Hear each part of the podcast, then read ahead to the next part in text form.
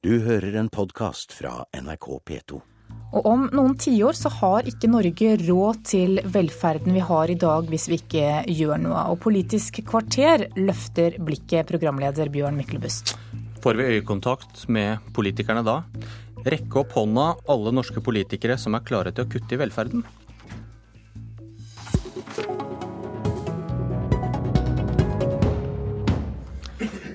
Du rakk ikke opp hånda, Sigbjørn Johnsen? Nei, jeg kom ikke så langt. For de som lurer, du er finansminister fra Arbeiderpartiet, og i dag legger du fram perspektivmeldingen. Hvordan ser Norge ut i 2060 hvis vi ikke gjør noe? Nå er det jo for det første vanskelig å spå nøyaktig om framtida. Vi ser jo mye som skjer i løpet av 50 år. Men eh, det er noen ting vi vet eh, mer enn andre ting. For alle de som eh, blir 67 år i 2060, er jo født. Så vi vet en del om utviklingen i befolkningen. Eh, men samtidig så vet vi at det skjer store endringer både i produksjon og teknologiutvikling. Så det er nesten umulig å vite helt nøyaktig åssen det blir. Men eh, perspektivmeldinga prøver jo å ta utgangspunkt i det vi vet og det vi antar. og så prøver vi å vise folk hva slags valgmuligheter vi har, f.eks. For, for å kunne ha et godt velferdsnivå i 2060. Dere tror da at vi mangler ca. 150 milliarder kroner i 2060 hvis vi ikke gjør noe?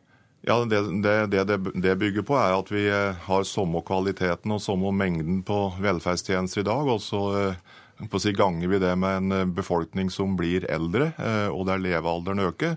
Og så sier vi at for å ha nøyaktig samme velferd i 2060 med den forutsetningen, så må vi øke enten inntekten eller kutte andre utgifter med om lag 150 2013-kroner.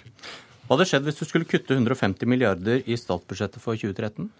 Ja, Det hadde vært utrolig vanskelig. Eh, eh, og Det minner meg for så vidt om en helt annen ting. og Det er jo at det er mange land rundt oss i Europa som faktisk kutter statsbudsjettene i den størrelsesorden. og Det illustrerer jo på en veldig god måte og slags god situasjon Norge er i i dag. Men vi må òg jobbe eh, for å få en så god situasjon i tida framover.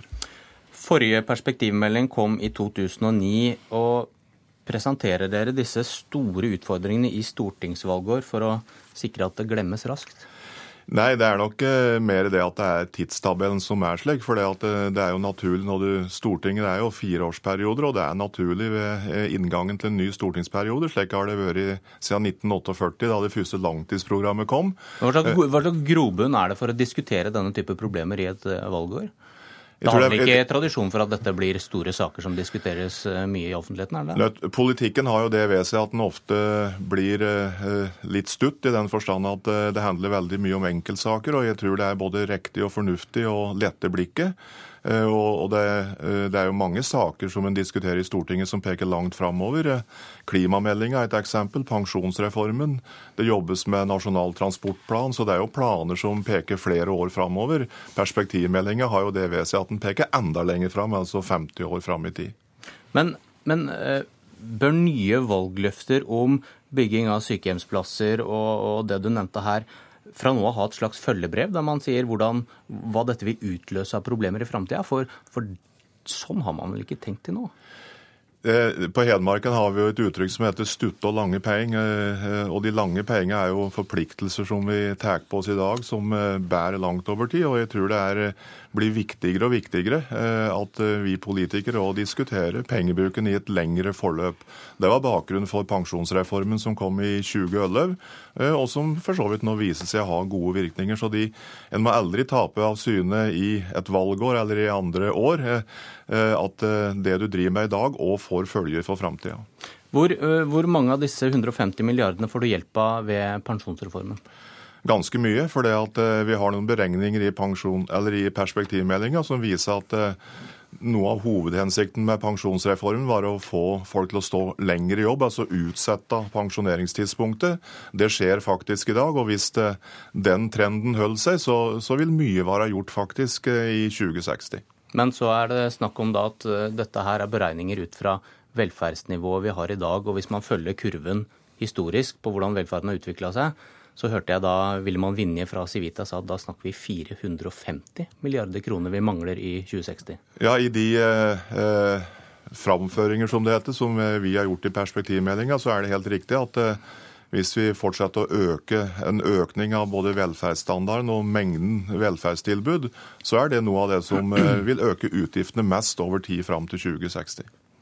Hvis vi ikke klarer å jobbe nok ved hjelp av pensjonsreformen og andre tiltak, hvordan skal du klare å kutte? Hvordan skal man begynne der? Ja, det, det, som du sier, det er vanskelig å kutte i velferden, men er, eh, vi viser også at det å bruke penger bedre, altså få mer velferd ut av hver krone som vi setter inn, en, eh, kan være et viktig bidrag.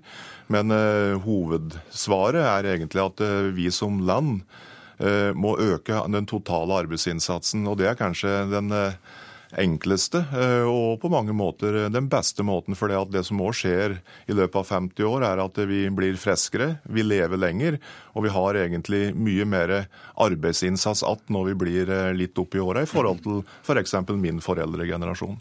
Man kunne sett på verdens beste sykelønnsordning? Ja, men eh, det kan nok komme dit at en må se på innretningen av velferdsordninger i et 50-årsperspektiv. Eh, Hvis vi ser 50 år bakover, så ser vi jo litt av det motsatte. Men eh, jeg mener at det enkleste svaret, i hvert fall for deg og meg, det er å si at vi må prøve å se hvordan vi kan øke den totale arbeidsinnsatsen. For det er aldri populært å kunne øke skatter eller å kutte i velferden. Men det jeg hørte du si nå, var at sykelønnsordningen kan stå for fall. Kanskje man må gjøre avstanden mellom trygd og arbeid mindre. At det er jo ikke utenkelig i, i, det perspektivet du snakker om nå. Det er to ting. Det ene er at du må ha eh, ordninger som gjør at alt er ellers slikt, at det skal lønne seg å jobbe. Eh, samtidig så ser vi at det har skjedd eh, i hvert fall de siste, siste to åra en god utvikling når det gjelder sykelønn gjennom inkluderende arbeidsliv og det vi kaller IA-avtalen. Eh, og så må vi jo heller ikke glemme at eh, trygge og gode sosiale ordninger faktisk bidrar til å øke arbeidsinnsatsen, fordi at folk føler større trygghet rundt arbeidssituasjonen. Det er veldig få politikere som vil snakke om kutt og innstramminger, men slik var det vel med pensjonsreformen òg, men man ble vel tvunget til å gjøre det? Det som skjedde med pensjonsreformen, var at den eh, kom med forslag som dempa veksten i pensjonsutbetalingene. Altså pensjon kommer til å øke. så de ja, som Det var derfor jeg sa innstramming. Ja, ikke sant? Altså De som blir pensjonister om 30 år, vil ha en, en pensjon som er mer verdt enn det pensjon er for, for tilsvarende i dag. Men dere er i ferd med å prøve å skape en slags kriseforståelse, da? for å berede for de tiltak som kanskje blir nødvendig? Jeg tror det er veldig viktig for den politiske diskusjonen og for den alminnelige diskusjonen at eh, folk ser hva slags valgmuligheter vi har. Eh, jeg tror det bidrar til å lette den politiske debatten og eh, opp på et nivå når det er mer så mer overordnede og lange linjer. For det, det er faktisk slik at det er ingen fribilletter til noen ting. Vi gjør ting i dag som får følger for i morgen og tida lenger framover. Men alt løser seg altså hvis vi jobber mer. Filosof Einar Øvrenge, velkommen. Takk. Du har tenkt rundt nordmenns forhold til arbeid, og hvordan har vi sett på det å jobbe? Ja, Det har gått i faser. Det har blitt sett på som et uh, nødvendig onde og som et sted Det var i gamle dager noe man måtte gjøre for å overleve, uh, og det måtte man. Min bestefar han jobba i skogen og bodde i gjørkoie. Det er ikke så veldig lenge siden. Til å være et sted hvor du eventuelt skal realisere deg. Til å være et sted hvor du bør egentlig komme deg så fort som mulig ut av for å kunne realisere deg. Ikke sant? Nå studerer man lenger, og så blir man pensjonist tidligere. Eh, og det spørs om ikke vi må begynne å se på arbeid som også i seg selv et, et uttrykk for velferd. Eh, og historisk sett det å kunne på en måte eh, ernære seg selv, eller det å kunne håndtere sitt eget liv, mestre sitt eget liv, på en måte ikke trenge å ha støtte, altså alle sånne ting, det er gode for mennesker. Og det spørsmålet som er interessant Én ting er at mennesker skal få lov til å slutte å jobbe eller jobbe mindre av helsemessige grunner. Synes jeg er fint. Men er alder interessant i den sammenheng? Er, er, alder per se noe som gjør at du ikke burde jobbe? Er det bra for deg når du når en viss alder og ikke skulle jobbe, eller jobbe mye mindre? Sånne typer spørsmål er ganske interessant. Eller er det sunnere for deg? For vi vet jo mennesker som blir støtt ut av arbeidslivet mot sin vilje, f.eks. Du skal ikke være lenge ute da før det helsemessig har store negative virkninger på deg. Det er veldig mye ting ved det som, som er problematisk knytta til det. Men, men, hvordan kommer vi fra det du snakker om, at, at jobb da blir sett som ja, en, slags byrde fremdeles, som man da vil ut av for å realisere seg sjæl? til det å leve det gode liv i jobben? som det skulle si? Hva gjør man da? Nok, det er mange måter å gjøre det på. Jeg tror det er altså, Tunge industriarbeidsplasser så sier jeg at ved en viss alder så kan det ikke gjøre noe, men hvor mange sånne er det igjen, da? Eh, så jeg tror at det har med vår innstilling til å se på at Altså Det er litt sånn som en episode fra Pippi. Altså, på, altså, Pippi hadde vel lyst til å begynne på skolen av én grunn. For da kunne hun få ferie. Altså, for Hun gikk ikke på skolen, da fikk hun heller ikke ferie. Og Det, er sånn, altså, derfor, det var eneste grunn hun hadde lyst til å begynne. Og det er noe med opplevelsen at man tror at den der evige ferien som skal oppstå et eller annet sted når du har jobbet så og så lenge, det tror jeg ikke noe særlig på. Jeg er ikke sikkert det er så veldig sunt for oss. Det er mange måter å tilrettelegge for. Det gjøres noe allerede. Da. Men det har noe med våre perspektiver. Det å se på at det faktisk er et gode i seg selv. Det å oppleve at det er et behov for deg i samfunnet, at du har noe å tilby osv. Det skulle ikke ha noe med alder å gjøre i det hele tatt. Det perspektivet her. Nå kan vi ta mennesker som ikke er spesielt gamle, og sette som, som kan bli veldig, veldig gamle hvor de skal leve 25 og 30 år som, som ikke-produsenter, men som rene konsumenter. Og Jeg er veldig usikker på om det er bra for samfunnet, om det er bra for oss, om det er bra for egen selvforståelse, om det er godt for helsa. Jeg tror faktisk ikke det. Og der tror jeg det har noe med sånn ikke bare hva politikerne gjør, men vårt perspektiv på hva et godt liv er egentlig, er det å stå utenfor. Skal vi ha veldig veldig mange gamle mennesker som rett og slett bare står utenfor og konsumerer? jeg vet ikke, altså Rent økonomisk dette, si dette, er en litt, eh, dette er en utfordring til sidemannen dette? Nei, jo, men altså ja, men jeg, Vi har noen aldersgrenser. Ja, jo, jo, selvfølgelig. Men altså, likevel, det har noe med vårt perspektiv her. Jeg liker jo valgfrihet veldig godt. Jeg tror at vi skal få lov til at vi skal ta ganske mange vesentlige valg i våre liv. Men jeg er veldig usikker på om vi skal ha folk i 25-30 år som på en måte bare skal motta, ikke bidra. ikke sant? Altså Det perspektivet der tror jeg man kan løfte frem litt, i hvert fall. Jeg, jeg tror jeg, du er inne på veldig mange viktige ting. Punkt én er at eh, arbeidslivet kommer til å endre seg over 50 år. Men eh, det du egentlig sier, er jo at eh, arbeids glede og velsignelse, som det heter i et gammelt ord, det tror jeg er ganske viktig. og Derfor så må en jo jobbe etter flere spor. Sørge for at du har et innhold i arbeidslivet som gjør at folk faktisk kan glede seg til å gå på jobb. At du har et anstendig og godt arbeidsliv. Uh, og en må ikke undervurdere altså arbeidslivet som det du kaller sosial arena. Det å ha arbeidskamerater, det å kunne være i et fellesskap, er utrolig viktig. Og, og uh, Det er jo en grunn til at uh, det er så viktig for oss i politikken å sørge for å holde arbeidsledigheten unna, bidra til høy yrkesdeltakelse. Tenk på de 25 millioner mennesker i Europa som nå har mistet, eller som nå er utafor arbeidslivet. Alle de unge som ikke ser muligheter inn i arbeidslivet. Det gjør noe med samfunnet vårt. Så et godt arbeidsliv eh, der folk trives, eh, er kanskje mye av nøkkelen til både å ha et godt liv, men òg bidra til å dekke dette gapet mellom utgifter og inntekter i 2060. Men kan en kriseforståelse, som vi snakket om her i starten, hjelpe til å endre den innstillingen? Det sånn... Ja, det er klart at en stor krise, det som skjer i Europa, er jo nettopp det. Men, men, det går an kanskje an at vi begynner å diskutere litt og tar tak i litt sånne selvfølgelighetene. At sånn må det nødvendigvis være. Når du begynner å komme liksom tidlig i 60-årene, så skal du altså begynne å tenke på hva skal du liksom bruke de neste 30 åra til utenfor arbeidslivet.